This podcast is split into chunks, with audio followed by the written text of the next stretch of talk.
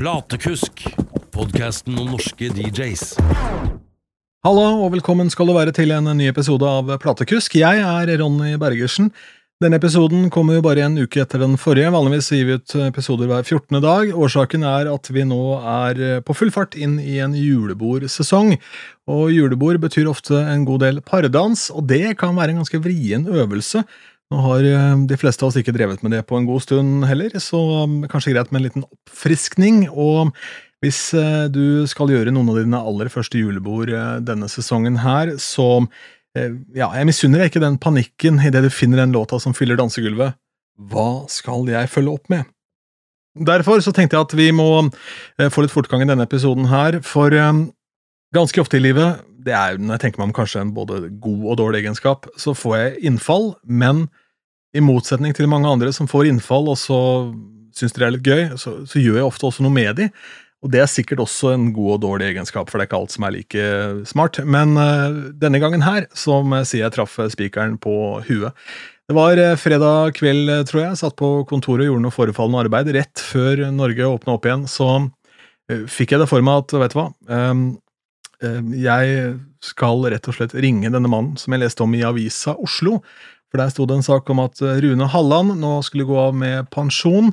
Rune Halland, som i en årrekke har vært en autoritet eh, innenfor 50- eh, og 60-tallsmusikk, særlig rock'n'roll og country blues og de sjangrene der, både som plateprater i radio i mange år på NRK, mange år i P4, mest kjent kanskje for Skeive skiver. Eh, og det ble også fire samleplater av Skeive skiver, og dessuten så har han da drevet det som var ja, selve mekka for eh, denne musikken i Norge, i form av Cruising Records, som han da holdt på med i Oslo, en platebutikk som, som spesialiserte seg på disse sjangrene, og det hadde han gjort da i 40 år, fram til han nå valgte da å legge ned platebutikken. Han har ikke lagt DJ-karrieren på hylla helt eh, enda, og det kan han rett og slett ikke få lov til heller, for neste år så feirer Rune Halland 50 år som eh, platekusk. Og derfor så er det helt naturlig at uh, han blir invitert til denne podkastserien. Og her vil det også være en tilhørende Spotify-liste som det ligger en link til under der hvor du finner eh, podkasten. Den eh, Spotify-lista den eh, heter rett og slett noe så kreativt som Skeive skiver som fremdeles svinger. Det er rett og slett alle sangene Rune og jeg snakker om i denne praten her, og her er det en del godbiter du kan rett og slett risikere ved å dykke litt ned i dette her, og imponere noen som kanskje ikke ser på deg som en type som vet spesielt mye om ordentlig god swingmusikk for de som er glad i å danse. Så mm, jeg, ja, jeg gleda meg stort til å få besøk av Rune. Det var veldig veldig gøy. Jeg syns det var eh, ja, faktisk litt tøft av meg selv også bare å ta opp telefonen og ringe. og jeg tror vel han ble litt paff òg. Jeg tror det er første gang Rune Halland ble invitert i en podkast-setting, men eh, det ble nesten en time med ordentlig god koseprat og noen eh, herlige historier om hvordan Rune begynte som DJ tilbake i 1972. God fornøyelse. Hjertelig velkommen til platekusk Rune Halland. Takk skal du ha. Hyggelig å være her. Ja, og du er jo invitert hit for en grunn. Det er jo de aller fleste i denne podkasten, som så mange andre. Men uh, du er jo en av de virkelig gode, gamle ringrevene. Uh, når hadde du den siste spillejobben nå, med tanke på at vi var i denne pandemien og holder på her? Uh, jeg hadde vel min siste spillejobb rett før jul i 2000 og, 2019, ja. ja. Og så, så hadde jeg en jobb i mars, men den ble jo selvfølgelig avlyst. Ja, eh, Men det som er nesten enda mer spennende, er når hadde du den første spillejobb? For det er der det begynner å bli interessant ja, her. Ja, da, Det var høsten ja, eller seinsommeren 1972. Så det begynner å bli en del år. Det begynner å bli en del år. Du er jo uh, pensjonist av året, og har jo da også lagt ned butikken i Oslo Cruising Records, uh, som mm. du har drevet i 40 år. Ja. Og um, du har levd et liv i rock'n'roll. Ja, det har jeg gjort. Det er eh, rock'n'roll og beslektet musikk som har vært min greie. Ja. Og Hvordan ender man da opp med å bli diskjockey i 1972? For dette var jo ikke noe folk holdt på med her på Bjerget da? Det var noen som holdt på allerede på 60-tallet, som eh, på enkelte steder i Oslo, og spilte soul og Også litt eh, skal vi si, låter som lå på hitlisten og sånn, men, eh, men det var ikke så veldig mange. Og det begynte da på, litt på ungdomsklubbene rundt omkring tidlig på 70-tallet, seint 60-tallet. Så begynte det å komme inn eh, diskotekanlegg og folk som, eh, som spilte. Men det, det var jo ikke sånn at de fleste ungdomsklubbene hadde diskotekanlegg, men det begynte å komme inn eh, folk som hadde det, eller de leide det ut. Liksom. Det begynte å skje noe på den tiden der. Eh, ja, nå må jeg si at jeg var jo da veldig musikalsk sett old school allerede i 72. For jeg, jeg, selv om jeg fulgte med på hva som skjedde, og sånn, så spesialiserte jeg meg på musikk som jo faktisk hadde noen år på baken allerede da. Men jeg prøvde, jeg begynte også på ungdomsklubber og gymnas, som det het den gangen, videregående skoler og sånn. og Sånne steder. Etter hvert over på restauranter ganske fort, egentlig, men de eh, første årene så var det nok mest ungdomsklubber. Så jeg prøvde å få den generasjonen som var eh, Som hørte på eh, glam og sånn, til å skjønne at det hadde vært lagd tøff musikk før også. Mm. Det er jo fascinerende at det var en jobb man måtte gjøre allerede da, tilbake i 1972.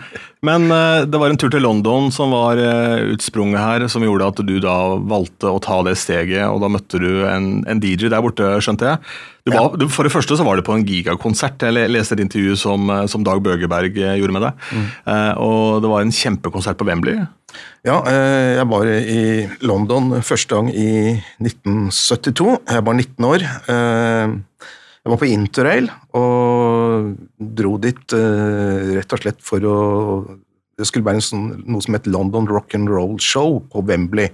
På selve Wembley stadion, hvor de slapp publikum inn på gressmatta. Og dette var jo da med uh, Chuck Berry, Bill Haley, Jerry Lee Lewis, Bo Diddley ja, En lang rekke kjente artister. Lill Richard uh, og en god del engelske kjente artister også. Og det kom ja, publikumstallet har jeg sett å være noen og 60 000. Og øh, dette var good old fashion rock and roll. Det var en sånn rock and roll-revival i England med øh, Teddy Boys og folk som øh, kjørte 50-tallsstilen, som begynte å bli populært der borte. Så det var derfor jeg dro over, da. Men jeg kom til London kvelden før, eller dagen før, og da traff jeg et par norske gutter på ferje over til eh, England. Eh, de skulle også på den, den konserten. Jeg hadde ikke noe sted å bo eller noen ting, så jeg overnatta i teltet deres et par dager. I Crystal Palace. Så, så kjøpte vi New Musical Express, og så jeg at det skulle være en rock'n'roll-klubb eh, i Sør-London, i Wimbledon, og skulle spille et band som het Bishops Big Boppers, som jeg aldri hadde hørt om. Dro vi dit. Det var en liten klubb forferdelig band. Som, eh, så alt sammen, uansett hva de gjorde, så låt det som en uh, Chuck Berry-låt. Det låt som samme Chuck Berry-låten hver gang. Uh, ja, De så ut som bikers også, og sto breibent, og alt låt som Johnny Be Good. Uansett. Uh, men det var en fantastisk DJ i, innimellom settene, og han han fylte dansegulvet med å spille rock'n'roll av den virkelig tøffe typen. Eh, det var gamle låter, men det var ikke bare kjente, det var også obskure låter som var kanonbra, altså som du måtte bare ut og rocke til. Og han klarte å blande dette på en eh, måte som, eh, som trakk både det hardcore Teddyboys og litt mer tilfeldige folk ut på gulvet, liksom. Han lagde en virkelig fin partystemning. Han var forresten kortvokst. Ikke som det het den gangen. Uh, het Tongue Tied Danny. Ja. Uh, var ikke høy, men han, uh, han, kunne det han drev med der. Altså. Husker navnet på noe? Det er gøy. Ja, det, det, inspirerte meg veldig. Jeg ble kjent med en rekke DJ-er i det miljøet der i London som utover på 70-tallet var der mye, og det var jo arrangementer i London, klubber hvor det var 3000-4000 som kjørte mennesker som kom sammen på en onsdagskveld og dansa til 50-talls, eh, tidlig 60-talls rock'n'roll. Og nyere musikk som låt som 50-60-talls, for å si det sånn. Hva er det som får deg da til å gå og ta en prat med denne DJ-en? da? For Du endte opp med å reise til London en lang rekke ganger og bli kjent med det miljøet. altså. Hva er det som ble tent i deg da, hvor du tenkte at dette her er jo noe jeg må finne ut mer om? da?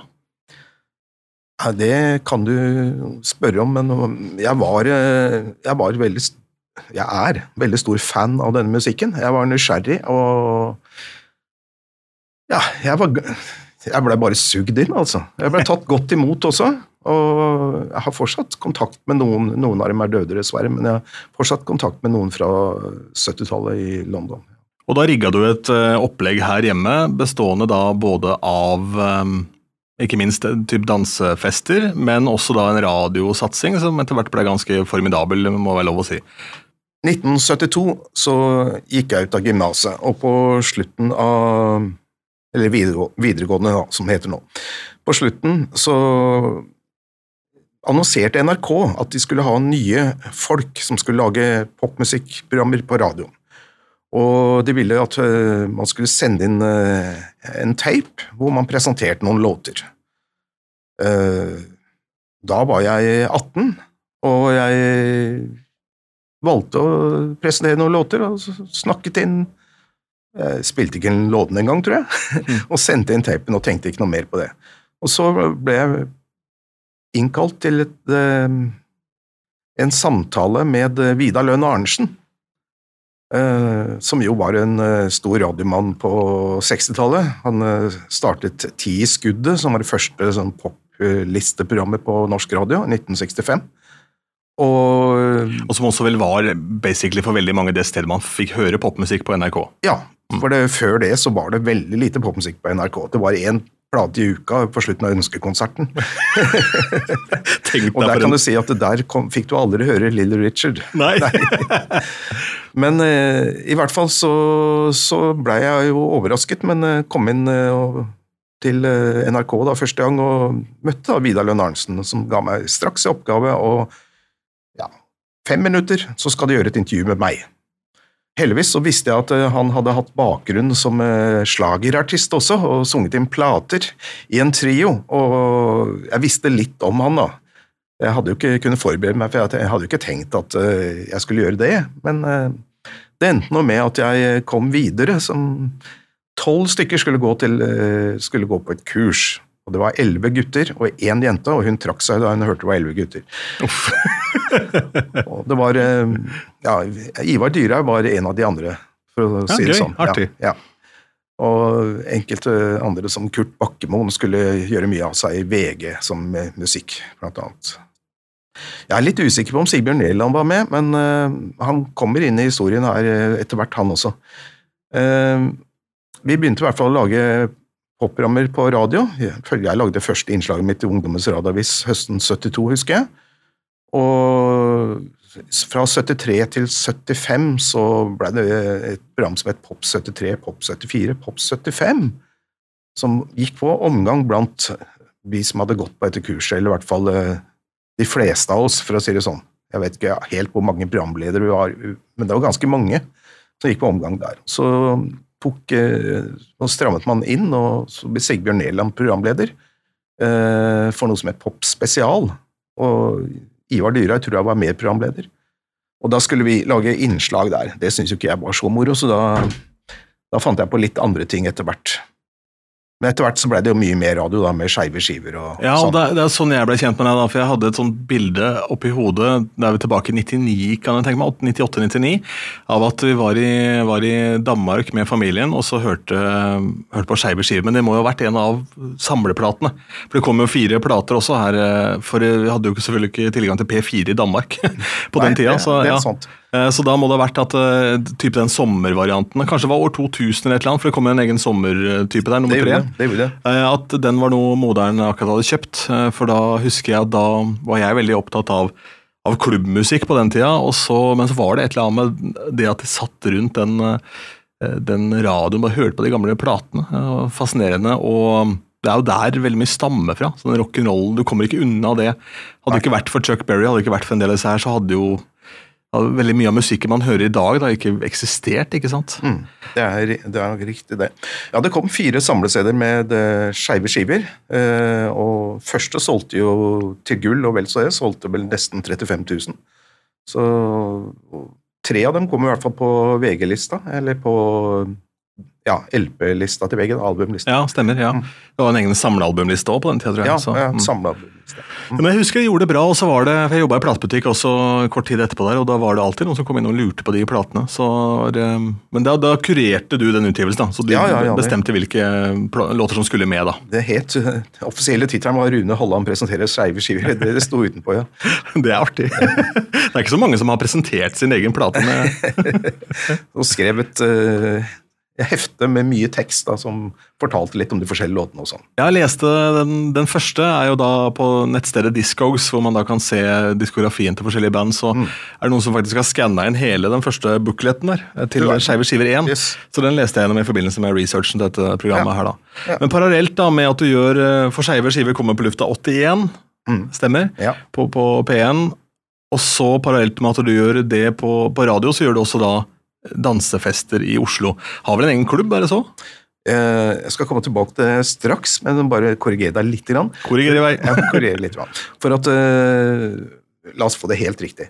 Eh, gamle P2, før, altså ikke, som ikke har noe med dagens P2 å gjøre, var på lufta tidlig på 80-tallet, og Skeive skiver gikk i hvert fall der, altså. Mm. jeg, Så jeg tror kanskje debuten var på gamle P2. Ja, Det kan hende. Det var vel jo sikkert en hipp kanal den gang, da, for det skulle være et alternativ til P1. da. Ja, Og så har det etter hvert endra format, som det heter. ja, ja Mm. det har det. Så, og jeg var jo på NRK ja, fram til eh, 93, 93, ja. Og så åpnet P4 på høsten, og jeg var på lufta på første dag på P4. Ja, Så vi var på åpningene. Jøss. Ja, Ja, ja. yes. ja, for det var jo litt gøy, for P4, det de gjorde De spilte jo ganske hemningsløs kommersiell popmusikk i primetime, men så slapp de til da både 'Kjærlighet uten grense' med liksom balladen på kvelden og Siv der, Mm. som ble et sånn ja, hva kaller det, en stolpe, mm. sier man vel eh, på godt norsk. da. Mm. Eh, og I tillegg så hadde du da eh, Mediamolboen, som også var et helt annet type program, som lignet litt på det Misjonen Mm. gjør nå. Og så da Skeive skive. Så de hadde spesialprogrammer utenfor primetime, da, som, eh, og i helgene særlig, eh, som da hadde stor suksess. Ja, altså jeg gikk faktisk live på lufta på det meste på P4. eh, To eh, timer fire ganger i uka. Eh, bare én gang med skeive skiver, da, men eh, jeg hadde andre programmer også. Eh, som spilte ganske spilte kanskje mer obskur musikk enn det jeg gjorde i skeive skiver. Mm. Og, og noe av dette gikk i reprise på, i helgene også.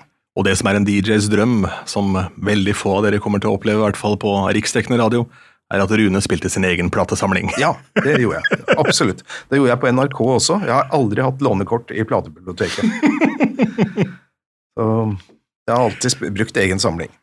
Ja, men La oss dra litt inn på dette med danse, for her er det en revival da, for 50- og 60-tallsmusikk. og Bopping og swing og, og den biten der. eh, Ja. Og dette er jo et helt eget fag. For, eh, for meg personlig så er det veldig få ting som er mer tilfredsstillende enn å bli anerkjent av voksne mennesker fordi du kan spille dansemusikk for voksne. Mm. Eh, Fordi jeg er veldig vant til å danse kanskje et band, og så kommer det en discjockey, og nå har jo jeg etter hvert Jeg er 35 år nå, men jeg begynte å gjøre brylluper da jeg var sånn stor skala da jeg bare sånn rundt 25. eh, og da kommer det en ung mann inn der, eller 40-årslag og 50-årslag og julebord og alt mulig. Men så var jeg interessert, så jeg visste litt hva jeg snakka om, men min kunnskap er jo da basert på at jeg spiller den låta her, og så prøver jeg meg fram, og så noterer jeg at å ja, den passa fint med den, for det er litt samme tempo og en del sånne ting, og så er det respekten for musikken, da.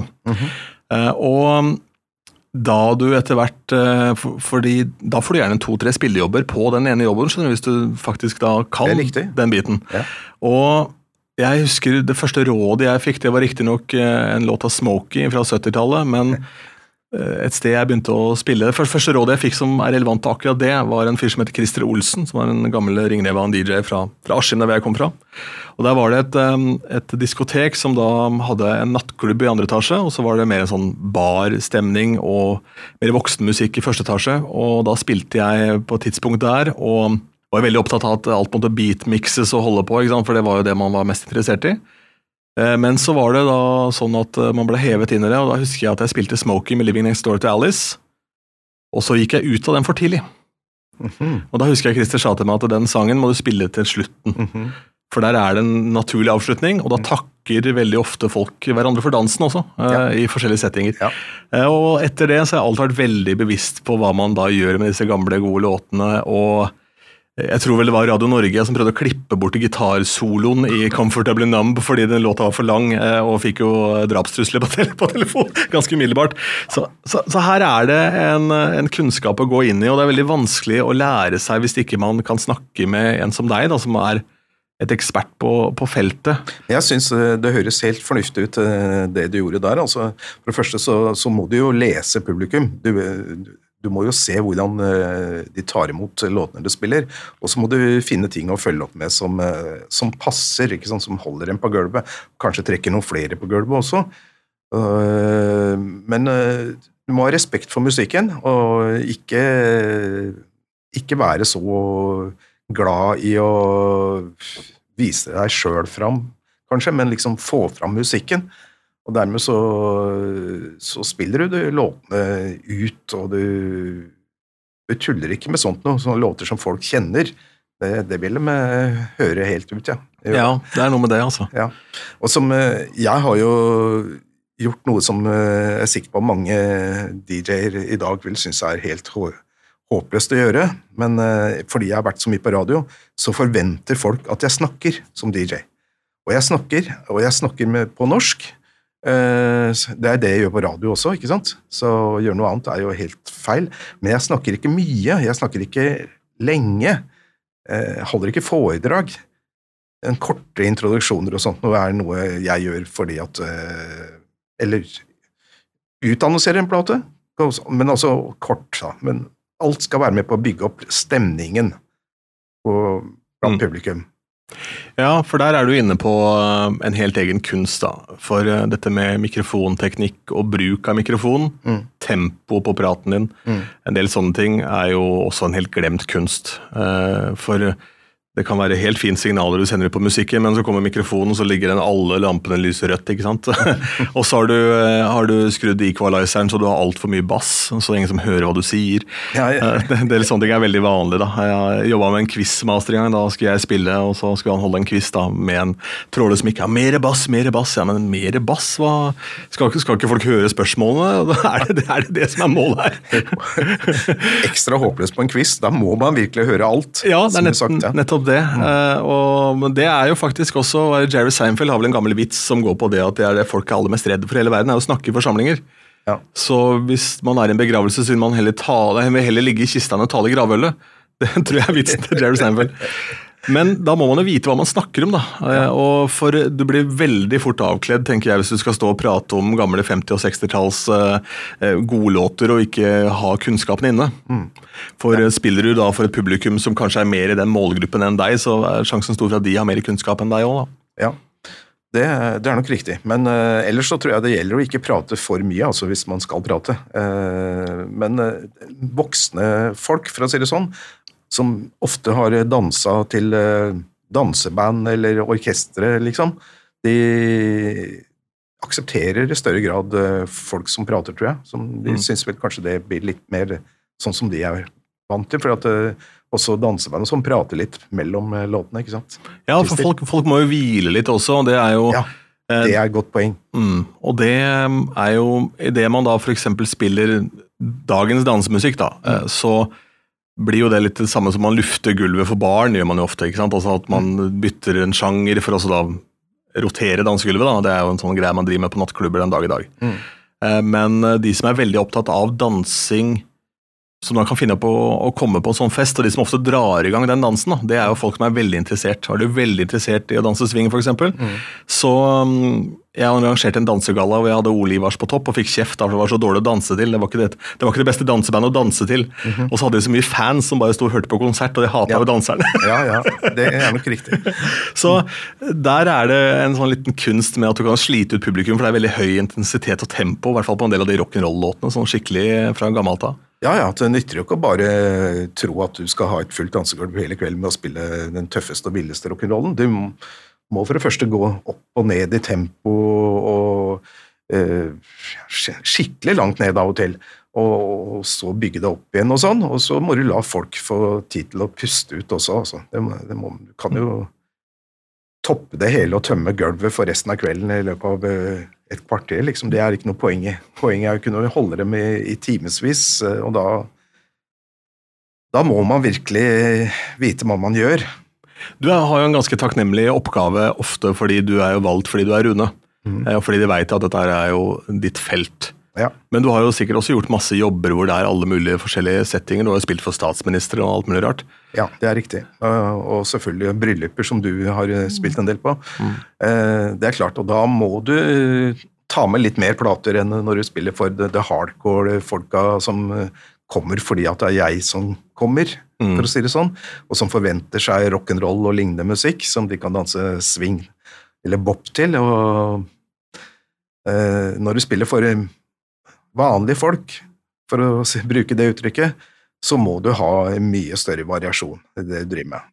Ja, la, la oss ta swing. Ja, for det er veldig vanlig. ikke sant? Spill Ja. noe vi kan danse swing til. Ja. Eh, og du opplever ofte at folk danser swing til de utroligste ting. Eh, og, Det er sant. Eh, og det er ikke nødvendigvis sånn fordi, eh, fordi det passer å danse swing til, det er fordi du ikke spiller den musikken de vil danse swing til. da. Det må være lov å si. Eh, og Hvis noen da kommer og spør deg å spille noe som passer å danse swing til, så har du noen konkrete eksempler på en kjente låter som da kan være en fin start da, fra den tida vi nå snakker 50-60-tallet?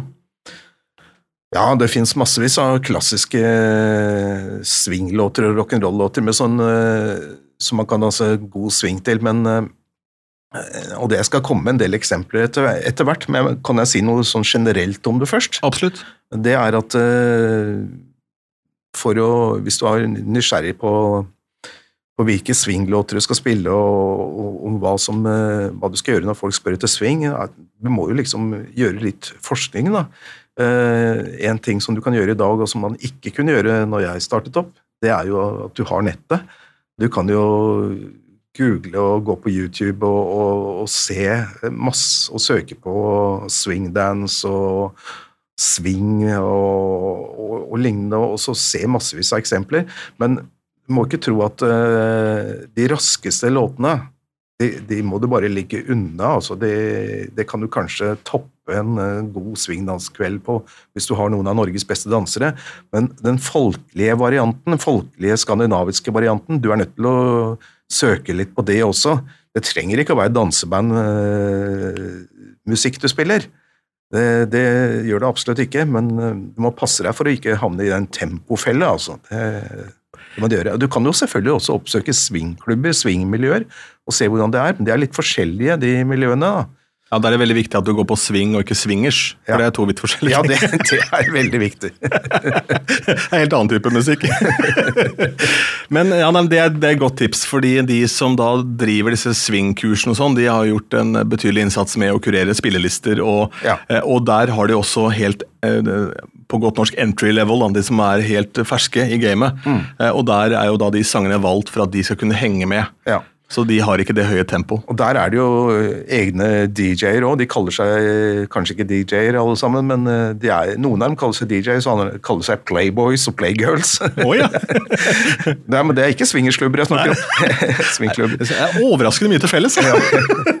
Ja. Og, og de spiller jo de, de spiller jo musikk man kan danse til og bruke mye tid på å finne det. og De driver og teller takter og sånn. Det, det gjør ikke jeg. altså Jeg går på Jeg hører. Jeg går på dansesug og jeg, Mm. jeg ser jeg, jeg bruker ørene. For å si det Groove, sånn. liksom. Mm. Ja, Grooven er et godt ord. Ja, sånn jeg bygde opp mitt uh, repertoar av den biten her, så handla det om får gynge låta. Mm. Hvis låta gynger, og jeg gikk i tempofella i starten, veldig. Ja. Og så møtte jeg en dame som, um, som um, syntes jeg var veldig kul fordi jeg hadde musikken, men som da også jeg hadde såpass respekt for fordi hun var god til å danse, og hun dansa og starta festen mm. med veldig mange. Og så sa hun til meg det at du må, du må jobbe litt mer med registeret, fordi du kjører veldig hardt. Det blir veldig mye intense låter da, eh, Ja. over lang tid. Ja. For det er jo de jeg syns kanskje er kulest òg, ikke sant. Ja. Og da blir du sliter ut folk, da. For mange er jo godt voksne òg, ikke sant. Og skal jo holde på i timevis der. Nytter jo ikke det.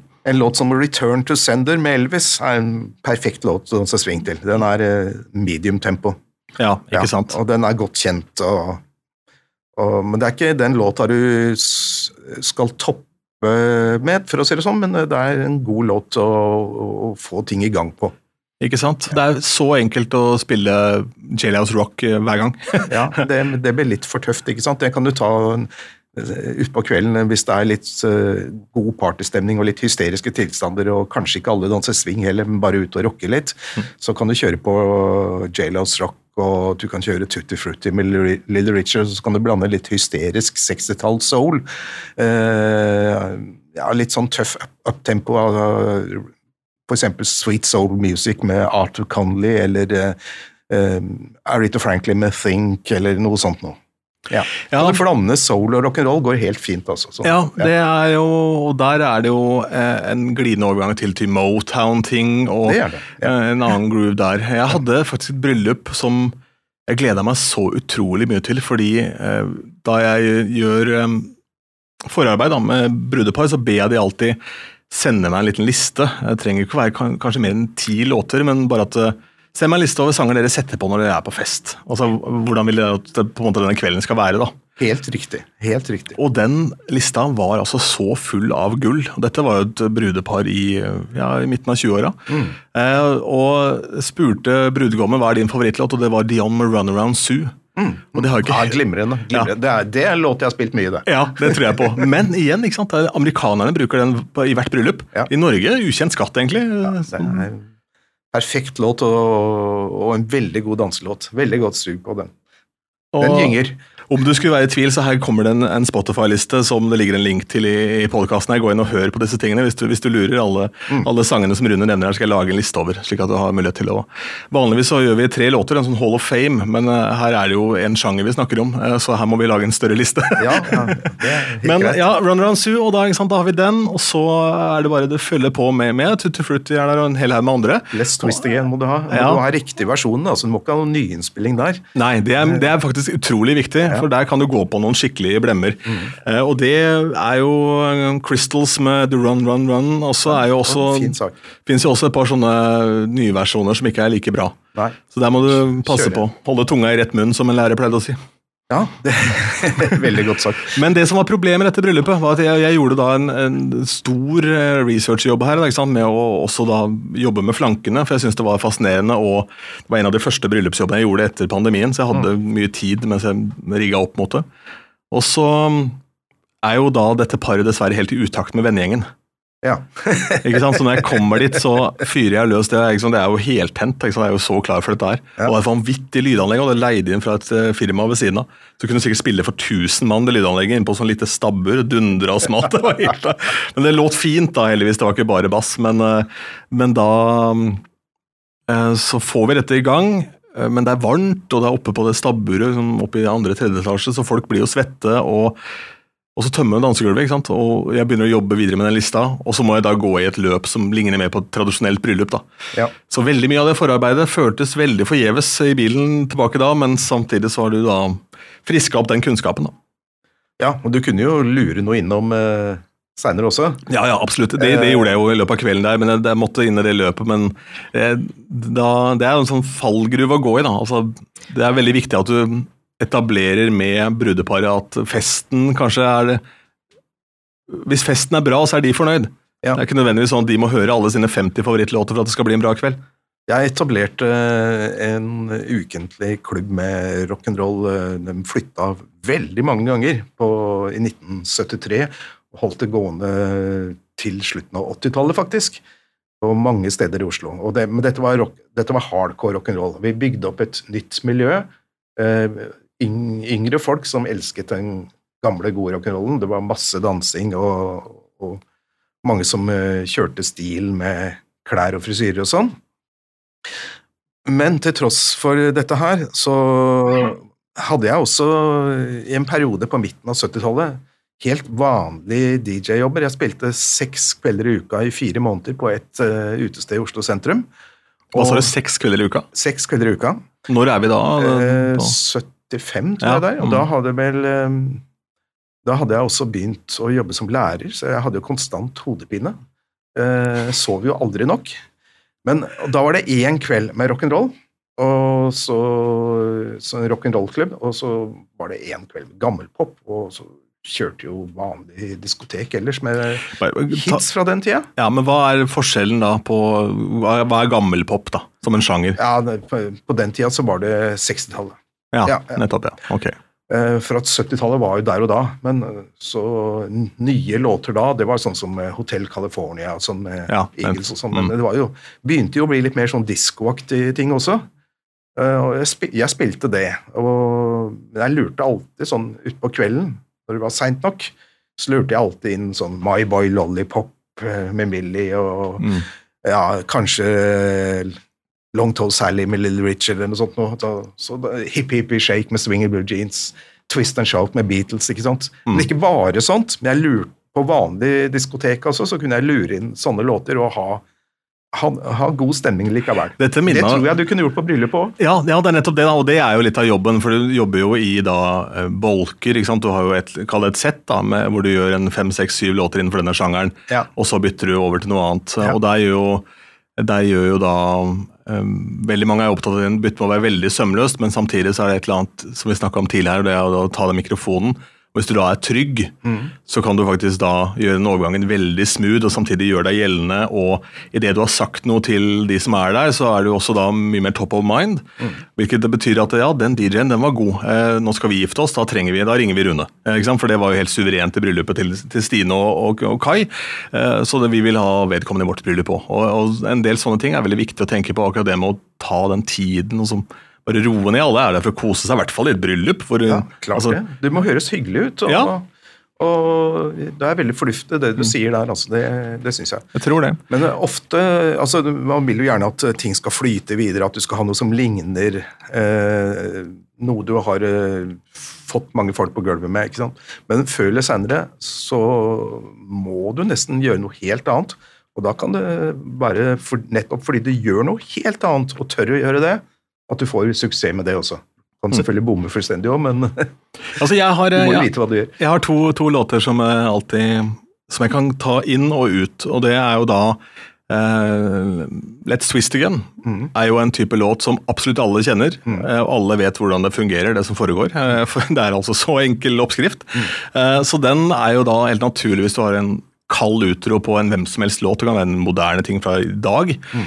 Uh, så går du inn i Let's Twist Again, så har du en helt annen greie. Det eneste problemet med den er at den er veldig kort. Ja. Så Hvis du bytter sjanger voldsomt, så er jo de som da er interessert i å danse til det, du må følge opp med mer i den samme bagen. Mm. Ellers så vil de gå av dansegulvet med uforretta sak. For det tar gjerne et minutt å komme seg opp. Ja, Og så har de ett minutt å gjøre det på. Ja. Og hvis du da er over på noe moderne igjen da rett etterpå, så er du ferdig. For da Det er helt riktig. Og nå gjelder jo det veldig mange, de fleste av disse låtene fra, som jeg har spilt opp gjennom årene, har vært veldig korte. mm. Og Grease Ja. eh, fikk, gjorde jo at ting fikk en ny vår, og den filmen lever jo evig. Eh, og det er jo en sang eh, alle alle kan liksom, musikken fra Grease, da, og de laget faktisk en utrolig god megamix for noen år siden. En, en er Overraskende god til å være en sånn megamix eh, av disse tre store Grease-hitene. Eh, og Mm. hva, hva syns du om, sånn for å ta, ta noe moderne som er litt i samme, hva tenkte du om Mambo Number Five da den kom? Ja, jeg begynte jo da straks å spille originalen, Ja. og hadde vel den med på en av skeive skivestedene også. Men eh, jeg spilte også Mambo Number Five i den nye versjonen til eh, Lou Bega, var det ikke? Jo, stemmer. Ja. Og jeg, jo, jeg likte jo den godt. Altså, jeg syns jo den var morsom. ikke sant? Den hadde, den hadde godt dansesug, Også. Ja, helt enig. ja. Og, og, den, eh, og den har også den der klappinga på introen som er sånn rart, og så etablerer den med Mambo Number Five der. Så. Ja. Det er, eh, og her er det tilbake da, til rett og slett å lære seg sangene. da. Eh, og jeg, En av mine store fanesaker er at du må ikke takke ja til jobber du ikke er komfortabel med. Nei, du, kan, ikke. du kan ikke skli inn i noens bryllup på et bananskall. Det går ikke. altså. Det er, ikke, det er Såpass respekt må du faktisk ha for det, det brudeparet. Så Jeg, har, jeg snakker alltid med folk, for å si det sånn. Er du sikker på at du har kommet til rett mann nå? ja, ja. Så, Jaså, ja, du skal ha en kveld med bare housemusikk? Altså, ring til Rune Halland, ja. Har du, har du bare googla DJ, du? Og av en eller annen grunn funnet meg? uh, men uh, ja, altså, Jeg kunne sitte her i timevis. Altså, det er jo gøy å snakke gammel pop. Eh, men um, Det er du som styrer. ja, jeg styrer, vet du. Og, Ja. det, er, eh, og det er ulempen her nå, for jeg er- veldig interessert selv, men så er det litt spørsmålet hva, hva vil lytterne våre ha? Mm. Um, men hvis man da skal gå utenfor uh, lysløypa, da, altså de mest kjente låtene, du har jo Elvis sine ting, du har Little Richard. Er det noen artister som, uh, i tillegg til nevnte Dion, da, som vi var innom, uh, er det noen artister som man kanskje mm, jeg overraske deg at publikum som er interessert av den musikken, med altså, artister og, og band de kjenner til, men som kanskje, kanskje ikke nødvendigvis har fått nok oppmerksomhet her på Bjerge? da? Um, jeg hører spørsmålet, men jeg er litt usikker på svaret, da, for å si det sånn. Det trenger jo ikke nødvendigvis være musikk som publikum kjenner til heller, men som er så uimotståelig god dansemusikk at de, hvis det er et danseglad publikum som er der, at de går på gulvet likevel, hvis det er mye dansere. Eh, Den ja, en av de absolutt eh, mest spilte plater jeg har brukt opp gjennom årene, er jo veldig obskur. Det var en plate med en fyr som heter Rockin' Louie eh, fra Wales, som var trommeslager i bandet til Shaken Stevens eh, i 1970, Shaken Stevens and the Sunsets, og som eh, hadde vel egentlig bedre stemme enn Shaken Stevens også, men jeg, tror han var, litt glad i å drikke og hadde ikke så godt utseende som Shaken Stevens. Men han lagde én plate i sitt liv, altså én LP. Og den eh, kom seinere også på CD i USA eh, pga. interessen i, i shagdance-miljøene i USA, som er stor, eh, eh, stort på østkysten i USA. Det er en slags form for swing, litt kompliserte trinn, men det er også eh, som bruker veldig mye rhythm and blues eh, og rock'n'roll-lignende musikk. Mm. I svart musikk. Ja, mye Motown og sånn. eh. Ja, Motown og, og- og soul, og, og før Motown også. Bare det er godt dansesug i det. Og den plata til Rockin' Louie, den ene plata han gjorde, den er det knallbra dansesug i. Det er stort sett musikere fra Wales som spiller på den. Uh, It Will Stand het den, kom i 1980, tror jeg. Ja, den, den, det er bare eneste låt, altså Mm, ja. funker der. Men uh, den er ikke noe kjent. Men uh, i sjappa mi, uh, Cruisen Records, så solgte jeg flere hundre av den. ja, ikke sant? Ja, Først solgte jeg på LP, så solgte jeg sikkert 300 på CD. altså. La, la oss snakke litt om eh, norske inn i miksen her. Eh, Et navn som jeg tenker på da, sånn umiddelbart når man snakker litt om norske artister her, er jo um, gode, gamle um, Stephen Ackles. Steven Ackles er en bra fyr og har gjort mye bra musikk. Han ja. har et par som er skikkelig gode, altså, Ja. som holder internasjonal klasse der når det kommer til uh, dansesuget. Ja, Hvilke er det du tenker på særlig? Oh, eh, Han har mye, vet du. Ja, han har mye. Skal vi se, det var um, uh, Hvem var det um, Bettina, I'm. I'm On The Loose. I'm on the loose, ja. Den har godt dansesug. Ja, den har jeg spilt mye. Ja. Uh, og det som er kult med det, er at det er en låt som da ikke nødvendigvis folk kjenner så veldig godt, men idet den kommer, så klarer de ikke å dy seg, vet du. Nei, nei, ikke sant? Den, det er det jeg mener med dansesug. Altså. Den, den, oh, nå må vi danse! liksom. Og hvis du, har, hvis du har, dette må du etablere selv, da selvfølgelig, men eh, hvis du har en tre, fire, fem sånne låter som er litt obskure, Ja. men ser da da får du ting til å fungere, så kan du kjøre, da kan du gå hardere for, Ja. Mm. for denne type svingdans da, mm. og, og pardans. da. Ja. Eh, og idet du gjør det, så du må bare prøve deg fram litt. Og så har du masse sånne Filmer gjør veldig ofte åpner ofte dørene. Grease gjorde det, Footloose har gjort det. Mm. og det er jo da også gjerne Det kan jo være moderne filmer som da henspiller, henspeiler da en, sånn- en svunnen tid for veldig mange, men som da gjør at de låtene får, får en helt ny vår. da. ja. Også norske gruppa Teen Cats, hvis du husker dem, Ja, absolutt. eh, har en rekke knallåter altså, som eh, får folk på gulvet. Eh, deres versjon av Rock'n'Roll is King, den ELO-låta, er veldig flott. Brand New Cadillac også, og deres egen komposisjon Elizabeth er blitt en kultlåt. Her er det mye å ta av. Jeg skal lage en eh, litt eh, mer omfattende liste. For eh, er det én ting som jeg har en, har en våt drøm om at folk skal bli flinkere på, så er det da det å spille dansemusikk for, for voksne mennesker særlig, eller veldig danseinteresserte. da. Ja, nå er det jo også sånn at en rekke ja, I hvert fall utenfor de store byene så er det en rekke yngre folk som eh, liker eh, denne musikken vi snakker om her. altså. Noen liker dansebandvarianten, danseband-varianten, og andre liker mer en rock'n'roll-rockabilly-varianten. Og det er par, stor partymusikk i rånermiljøene, for eksempel. Der er det jo veldig etablert, og, og svenskene er jo enda lenger fram enn oss, så det er jo masse fine ting å finne der også. ja, Og når, absolutt. og når det kommer til danseband, da, så bare for å ta det, så er det Ehm, du er ikke noen dårligere DJ enn noen andre, eller ditt eller datt. Så du kan jo fint kombinere og gjøre nattklubber med moderne ting og spille danseband i et bryllup eller et 50-årslag hvis det er behov for det. Ja. Uh, Det viser bare at du har en større bredde, da. Eh, Og det fortjener egentlig mye mer respekt enn hva det får, tenker jeg, da. Eh, For eh, man snakker veldig ofte ned han som La oss si, jeg har tenkt scenario at en DJ er i et bryllup og en annen DJ spiller, og kjenner ikke disse to hverandre, og så spiller vedkommende en dansebandlåt, ikke sant? og så laget, sender man en Snapchat av han spiller danseband, men så er jo dansegulvet fullt, da. Det er noe med det. og hvis det dansegulvet da er fullt, så er det rett mann på rett sted. Ja, ja, det spørs hvem du spiller for. Altså. Det, oppgaven er jo å fylle dansegulvet, rett og slett. Det er veldig sjelden jeg spiller danseband, men det er sånn at jeg går for det uten at det har blitt ønska. Men veldig ofte så blir det, og da er det veldig ofte England er fans da, som blir ønska av, en- av en bestemor i et bryllup. Og da gjør jeg alltid en seanse med mikrofonen, da. For da, det syns jo bestemor også er hyggelig. og det er jo en hit, så den kan alle, alle kan synge med. da, sant? Det er noe med det. Nei, Jeg har heller ikke spilt uh, veldig mye danseband, da, men det er eh, enkelte låter. Jeg kan nevne Steno Stanleys versjon av uh, Fats Dominos uh, 'Hello Josephine', også kalt 'My Girl Josephine'. Den, eh, og den synger de jo faktisk på engelsk også, men den har ja. et usedvanlig godt dansesug i. Ja, for Sten og Stanley, der har bare spilt på Gareta, tror jeg. Nei, men uh, du får sjekke ut den. Den, er, den gynger veldig. Ja, kult. Ja, Fats Domino for øvrig er jo, en, eh, er jo også en litt sånn glemt skatt. ja i dette her. bevares. Eh, Absolutt. og der, der er så mye å ta at det er nesten vanskelig. Nevn et par låter bare sånn kjapt, da, så jeg kan legge Ja, men. Da kan jeg nevne den, den som jeg nettopp eh, sa, da, som heter My Girl Josephine, eh, og som jo en del andre har innspilt som Hello Josephine.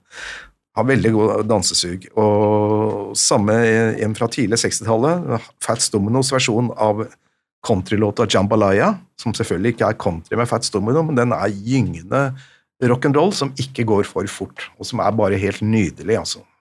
Eh, Jeg vil framheve de to spesielt, men eh, jeg bruker også Be My Guest en del, som eh, fra 1958, og den rytmen der, den hadde veldig stor innflytelse på Jamaica.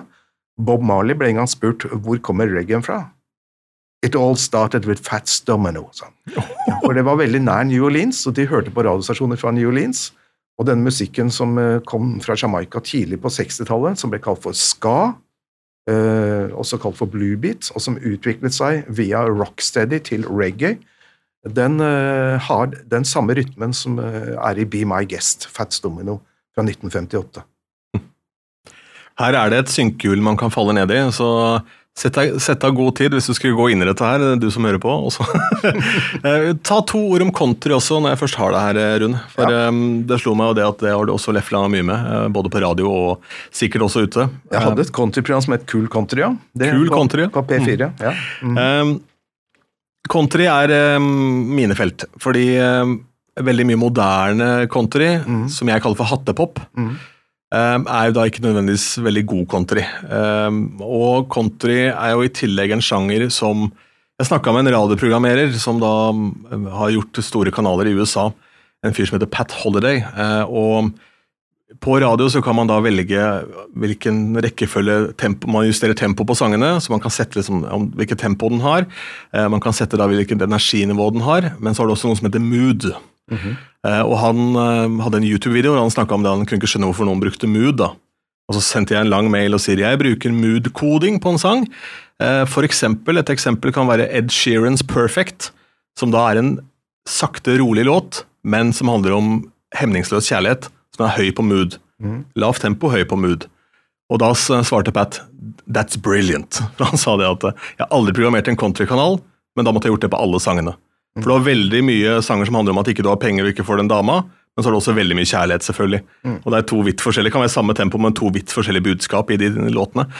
Og der eh, er det jo Du har noen av de sånne store moderne lokomotivene som går Shania Twain og alle disse tingene der som alle kjenner til, som har blitt popmusikk. Ja. Eh, og så har du Cash, som bare er kul. Eh, og noen av de som bare er kule, Highwaymen og sånn, kan slippe unna med åtte dager i uka. Men så er det en del sånn midt imellom der. og Hva, hva for noe country er det? Hva er, hva er det som er dansbar god country? Det er vanskelig å si. Ja, det, det er vanskelig å si. eh, Og enorm sjanger òg. Det er så svært. Ja, den er kjempesvær, altså. Det, jeg har uh, veldig stor sans for uh, country, men det er også veldig mye jeg ikke liker, må jeg si. Og hvis jeg er i USA og skrur på countryradio, så skrur jeg veldig fort av igjen, altså. For der er det virkelig blitt så superglatt popmusikk. Minst Min, store musikalske helt eh, Tom Petty sa It's bad rock bands with a fiddle. ja. eh, jeg syns at eh, jeg hadde et countryprogram på 90-tallet, og da kom det jo en del friske artister av grupper som Mavericks, eksempel, som er kjempe, de har kjempebra danselåter. All You Ever Do Is Bring Me Down med Mavericks. Det må du bare legge inn på en liste her, altså. Mm. Eh, men de har mange, faktisk. Eh, og også eh, ja, altså Alan Jacksons Chattahoochee. Er, Ja, den er god. Den er Ja. flotte saker. Og en annen ting også med den er at den har, det er en perfekt låt å gå ut av en annen sjanger. Fordi den har denne, den har denne nesten militære biten. Så da, hvis vi skal bli litt teknisk, kan du i teorien legge en loop der, så kan du gå ut av nesten hva som helst. Altså, på mm. eh, utrolig kul låt. Så øh, country hører absolutt med, men der må man øh, plukke låter godt på forhånd, så man veit hva man gjør. Eh, og jeg syns også vi skal nevne blues. Ja. Jeg, jeg har spilt mye blues òg. blues er, er eksempel av norske Reidar Larsen. Da Ja, ja, ja. Fantastisk å danse swing til det, altså. Oh, eh, jeg har en liveskive med han fra eh, hangar, eh, og den har jeg hørt på så mange ganger. og er jeg sitter i bilen. Det er ofte en, er veldig sjelden jeg spiller blues ute, men eh, det er en plate jeg hører på personlig. da. Og ofte på vei til spillejobb eller hjem fra spillejobb så har jeg spilt den Reidar Larsen-plata. Ja, han, han er god, eh, og um, samme, han har jo um, vanvittig band nå, eh, med hva heter det, Storytellers. Storytellers. ja. Utrolig fint band med Arne Skage på gitar. og... Ja. Mm.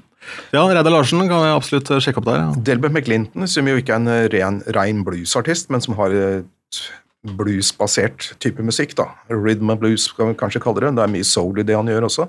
Delbert McClinton fra Texas han har også veldig mye bra, svingende musikk altså med, som ikke går for fort. Mm. Mm, som kan treffe mange. Men her igjen da, så er, det- her er det en formidabel oppgave å gjøre. for Hvis du bare går på Spotify og søker på de største blueslåtene, så vil du havne veldig ofte i et eh, det er, ikke, det er ikke så mye av det som suger like bra sånn dansemessig. Nei, nei. nei. Så, nei så der må du gjøre Man bruke ørene. Ja, rett og slett. rett. Og slett, ja. ja. Og det her er vel egentlig Praten i dag kan jo egentlig oppsummeres med at um, det ligger et håndverk i bånn her som må gjøre en innsats for å uh, ha kunnskapen om musikken. Da. Eh, Du kan ikke bare regne med at du skal finne en eller annen spilleliste, og så trykker du play på det uh, i en eller annen setting. Du må ha respekt for de folka som skal danse, og de kjenner den musikken bedre enn deg. Mm, mm. Og ikke minst får du tips og prøver det uh, i den settingen, og det fungerer, Mm. så um, noter deg det uh, for alle penga i verden. Det høres ut som et veldig godt råd. Ja, og så ring, eh, ring, eh, eller bli med på et svingkurs, da. For all del. Altså, ingenting som er mer attraktivt enn en mann som kan danse òg. Eller en dame, for den saks skyld, hvis du er en kvinnelig DJ. Men eh, ja.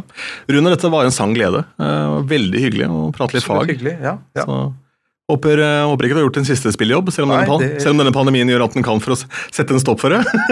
Det, det veit man aldri, altså, men det må, jo, det må jo skje noe snart. Ja, men Du har ikke tenkt å gi deg som DJ selv om du legger ned butikken? Jeg har ikke tenkt å gi meg som DJ, det har jeg ikke tenkt å gjøre, men uh, uh, ja. Hvor lenge skal man vente? Ja, det er noe med det. Bare, sånn, eh, avslutningsvis så har jeg lyst til å prate litt om, om um, teknikk og sånn, for der også er det veldig man er veldig opptatt av liksom, at man må ha det og det utstyret for at ting skal fungere. Hva reiser du med? Har du en sånn dobbel CD-spiller? Nå skal du høre. Jeg har faktisk, jeg, i- ja, etter vært DJ i jammen snart eh, 50 år, jo. Utrolig. Eh, aldri eid et diskotekanlegg. Nei! Jeg, jeg forlanger alltid at arrangøren skal skaffe et anlegg. Eh, Jeg kan godt eh, hjelpe til å fortelle noen firmaer som da leier ut, og som jeg har brukt før, og som jeg Eller, eh, eller spiller på steder hvor det befinner seg et anlegg allerede. Eh, Det, det er liksom noe jeg setter som krav. Og det anlegget skal settes opp, testes, før jeg kommer. Jeg skal ikke være nødvendig for meg å drive og skru og sette sammen anlegget. Mm. Eh, Det er jeg ferdig med, for å si det sånn. Men jeg tenker en del av de tingene som står rundt omkring i dag, ser ut som romskip. da. Ja. Altså, jeg forlanger at det skal være to CD-spillere. Eh, Jeg spiller altså helst CD-er. Jeg spilte jo vinyl før, selvfølgelig. Og samler jo på vinyl privat, men uh, syns CD-er er lettere å reise rundt med. Men jeg vil gjerne ha CD-spillere framfor å bruke streaming. Altså, jeg, jeg synes det er eh, Du føler deg mer som Altså, det er diskjockey her, altså. Ja. ja, klart det.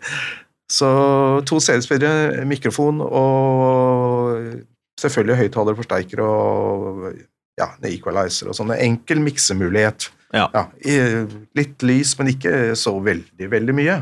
Sånn, Nei, det handler om å sette stemning. Ja. Altså, og, ja. skal ikke drukne folk med lys heller, Nei, helt enig. Helt enig. men uh, noe. Og så skal du se hva du gjør. Ja, Ja. absolutt. Um, men her, da, for de som hører på, så spiller jo veldig veldig mange, vil jeg anta, uh, MP3-filer. Mm. Og her er det kanskje det aller viktigste. Ja, men det aller viktigste da, repertoaret du har sånn i forhold til lydkvalitet på de filene, er den delen her av ting. Den aller eldste av musikken. Eh, For det må altså være top notch. eh, Og fordi hvis du begynner å surre med noe dårlig lydkvalitet der, så det skinner så igjennom på et stort, eh, stort P-anlegg. da. Ja. Så det er ekstremt viktig. Du kan ikke nå bare gå rett inn på, rett inn på en eller annen strømmetjeneste Nei. eh, og stjele noe, på en måte, eller eller en Pirate Bay eller et eller annet, bare laste ned en batch med det, og så vet du ikke kvaliteten på det, så det må du sjekke for all del. Og, Og, du bør hell- og hvis du virkelig skal bruke CD-er, f.eks., så, så må du bruke nyere CD-er. Du kan ikke bruke CD-er fra 80-tallet. Altså det, er, det er rett og slett for dårlig lyd. Altså. ja, de samleplatene, da var veldig mye som samlebånd på den tida. Når, når tidlig 90 også, så kom det utrolig mye som samlebokser. som var, Her på radioen så la vi inn en hel haug med de, for det var det man hadde i arkivet. Ja. Og så hørte vi på det etterpå, så var det helt sånn hårreisende dårlig. Altså. Det, var, det var ikke mastra for CD, vet du. Nei, nei, nei, nei, selvfølgelig ikke, Ja, ja. og det var jo veldig skarp lyd, ikke sant. Det er jo noe helt annet på samme sangene, samme musikken som eh, kommer ut i nyere CD-er eh, Mm. de siste årene. Helt annet. Altså Se etter offisielle utgivelser, gjerne fra artisten selv. Absolutt. Og da sånne remastra ting. For de som da har remastra den utgivelsen, altså folk som da har sjel for den sjangeren, eh, Mm. og som ofte har jobba med, med den artisten over lang tid. eh, Og det er folk som da forstår lydbildet, hva som var tenkt her. Ja. At ikke det bare er komprimert sammen til en legokloss av en lydfil. For da mister du også litt av bredden i det. Så veldig bra, Rune. Tusen takk for besøket. Tusen takk. Hyggelig. Du har hørt Platekusk, podkasten om norske DJs.